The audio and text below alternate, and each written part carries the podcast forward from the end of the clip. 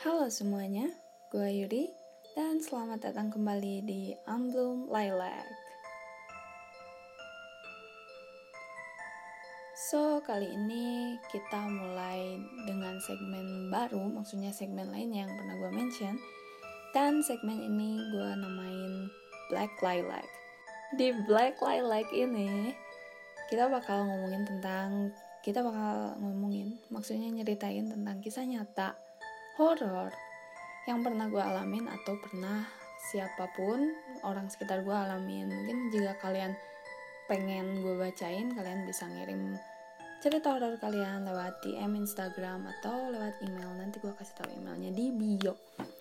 Uh, sebenarnya ada satu segmen lagi buat nyeritain kisah horor tapi segmen itu gue bikin um, apa pakai musik-musik, pakai ilustrasi lah kayak gitu. Kalau misalnya di Black Lilac ini kita nyerita kayak gini aja, kayak ngobrol, oke, okay? kayak ngobrol tanpa diwaro. Oke, okay? bahasa Indonesia diwaro apa? Oke, okay, ngobrol. Pokoknya eh pokoknya gue nyerita. So, ini Black Lilac pertama dan ini kisah nyata gue yang gue alamin waktu gue sekitar kelas 2 SD kelas 2 atau kelas 1 ya sekitaran segitulah.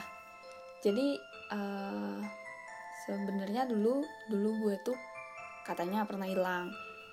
Tapi diketemuinnya waktu maghrib maghrib katanya sih gue nggak inget waktu itu. Soalnya katanya waktu umur masih 4 tahun gue nggak inget kalau misalnya gue inget ini kejadiannya pas gue umur eh ya pas gue kelas 1 atau 2 itu jadi waktu itu gue ke gue sekeluarga uh, pergi ke kampungnya ayah. Biasalah buat liburan kayak gitu.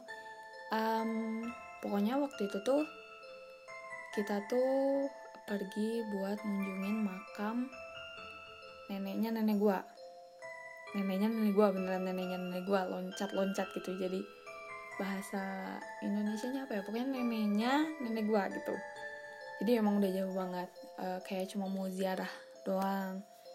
Nah waktu ziarah itu kan gue masih kecil ya gue nggak ngerti apa apa masih bego masih gimana gimana di saat orang-orang pada ziarah pada berdoa pada gimana gimana depan makam eh makamnya itu kayak makam Belanda kan maksudnya batu-batu semua. Pokoknya makam tua banget deh nggak ada nggak ada kayak nggak ada orang-orang yang baru di situ itu kayak makam jadul banget gitu. Nah waktu semua orang pada berdoa yang kayak gitu-gitu gue pergi sendiri. Gue pergi sendiri karena masih kecil namanya anak kecil nggak bisa diem ya apalagi ngedengerin orang tua. Gimana gimana lah sibuk sendiri gitu. Jadi gue lari-lari sendiri. Nah dan namanya anak kecil gue kan lihat batu-batunya itu banyak malah gue jadiin lompat-lompatan gitu jadi gue lompat dari satu batu nisan ke batu nisan lainnya gue lompat-lompatin gitu sambil berhitung lah nggak tahu gue nggak inget si feelnya kayak gimana. Pokoknya gue cuma loncat-loncatin dari nisan ke nisan gitu sambil ya hap-hap gitu lompat-lompatan. Dan gue juga ngambil-ngambil banyak bunga kamboja di situ. Waktu dulu gue suka banget bunga kamboja. Kalau ke makam karena emang bunganya wangi kan dan bagus gitu. Kalau sekarang udah ngeri sama bunga kamboja. Nah dari situlah kejadian aneh-anehnya muncul. Waktu di makam itu nggak ada yang aneh. Nggak ada yang aneh-aneh sih. Yang namanya gue anak kecil gue main-main doang gitu.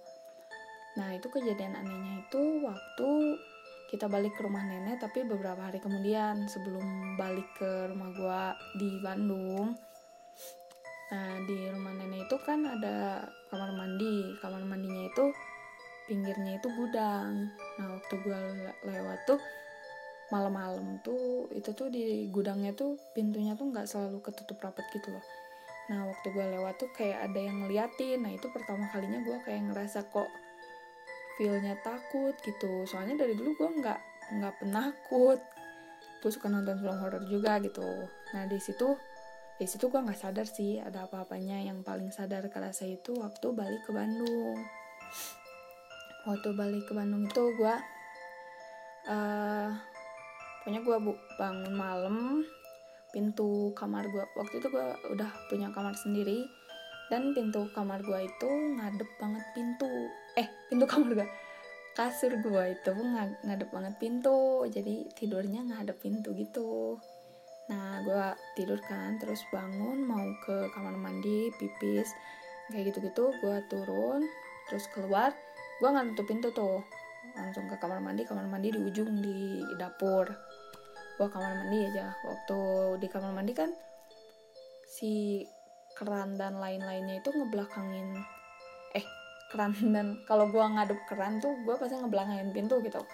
Nah gue uh, pipis dan segala macam gitu pas ngebalik buka pintu itu tuh kayak ada yang ngelayang di atas tapi muka gitu loh warna hitam. Dan dan itu sosok pertama yang pernah gue lihat yang gue inget gitu. Itu sosok pertama yang pernah gue lihat dan gue ingat dan itu serem abis. Sampai sekarang pun masih ada bayang-bayangnya gimana itu muka ngelayang tapi nggak jelas gitu kayak uh, pokoknya itu muka gitu. Tapi nggak jelas gitu. Dan itu ngelayang gitu. Dan itu nyengir.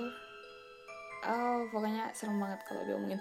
Di situ gue lari. Gue kan masih kecil kan dan emang gue pendek gitu. Gue langsung lari balik ke kamar dan gue lupa nggak nutup pintu kamar. Beneran gara-gara takut gue nggak nutup pintu kamar gue langsung naik kasur dan langsung nutupin badan sama selimut. Nah gue langsung takut kan di situ. Nggak gimana ya gue di situ nggak mikir buat manggil orang tua loh. Gue takut beneran takut gitu. Dan gue juga nggak ingat waktu dulu itu orang tua gue lagi ada di rumah atau enggak soalnya orang tua gue kerjanya tuh keluar kota.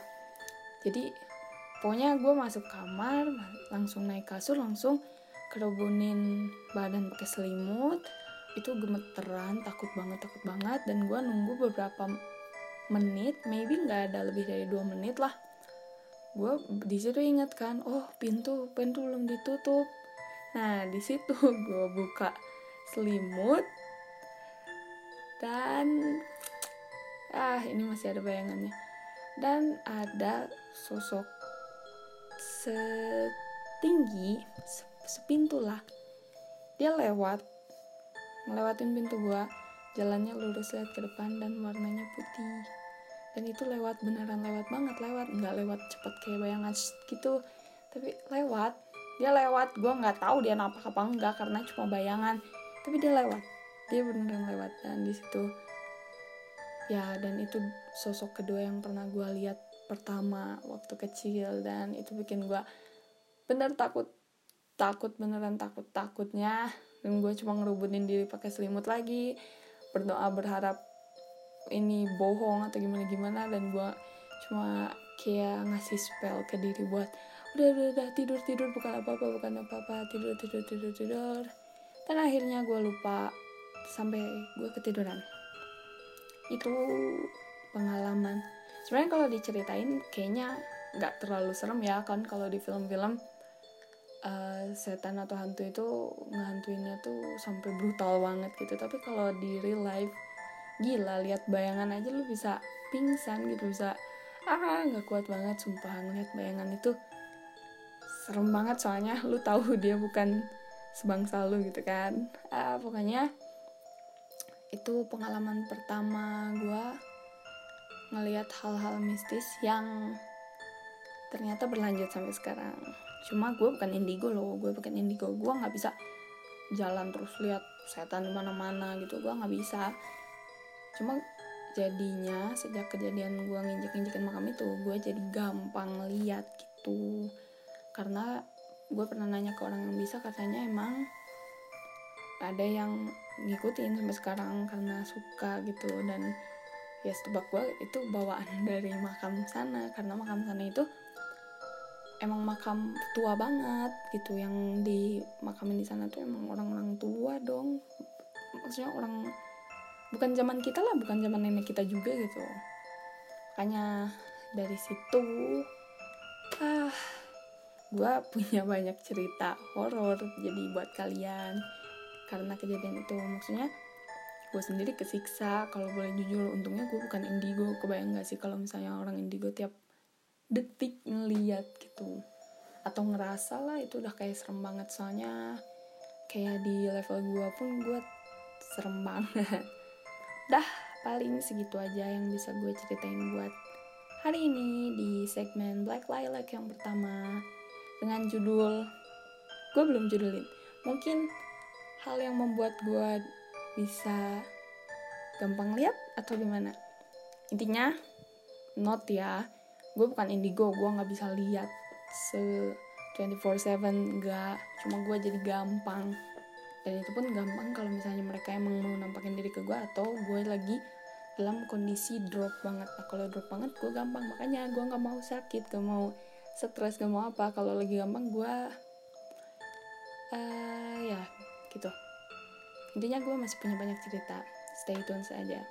Cerita tentang kesurupan pun ada. Jadi oke. Okay, semoga kalian seneng ngedengerin podcast ini. Dan sampai berjumpa kembali di segmen lainnya. Gue Yuri dari Unblown Lilac. Undur diri. Bye bye selamat mimpi buruk. Bye